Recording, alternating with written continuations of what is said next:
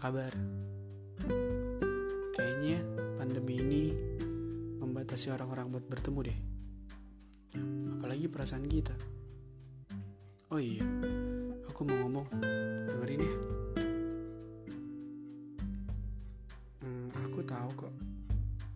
Aku cuma pemeran pengganti kan. Tokoh peneman rasa sepi kamu.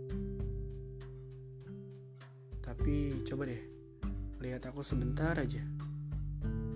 Emangnya kamu gak capek? Pura-pura gak tahu kalau aku sudah ngejar kamu. Sekiranya nanti, jika tugasku terpaksa berhenti, ya karena kamu memang tak ingin aku kejar. Aku juga gak bisa maksa kamu. Memaksakan untuk seseorang yang tak ingin, itu juga gak baik kan?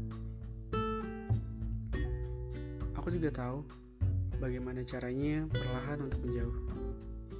Hati-hati ya. Semisal nanti kamu butuh pundak untuk bersandar, aku siap kok untuk itu. Ya walaupun aku tahu, aku sekedar untuk dibutuhkan, gak lebih.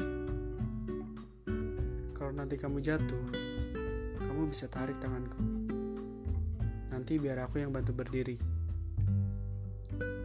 Kadang semesta ini juga lucu ya.